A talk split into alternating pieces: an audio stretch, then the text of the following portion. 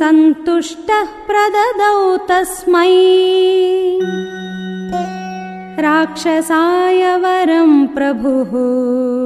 नानाविधेभ्यो भूतेभ्यो। भयम् नान्यत्र मानुषात्।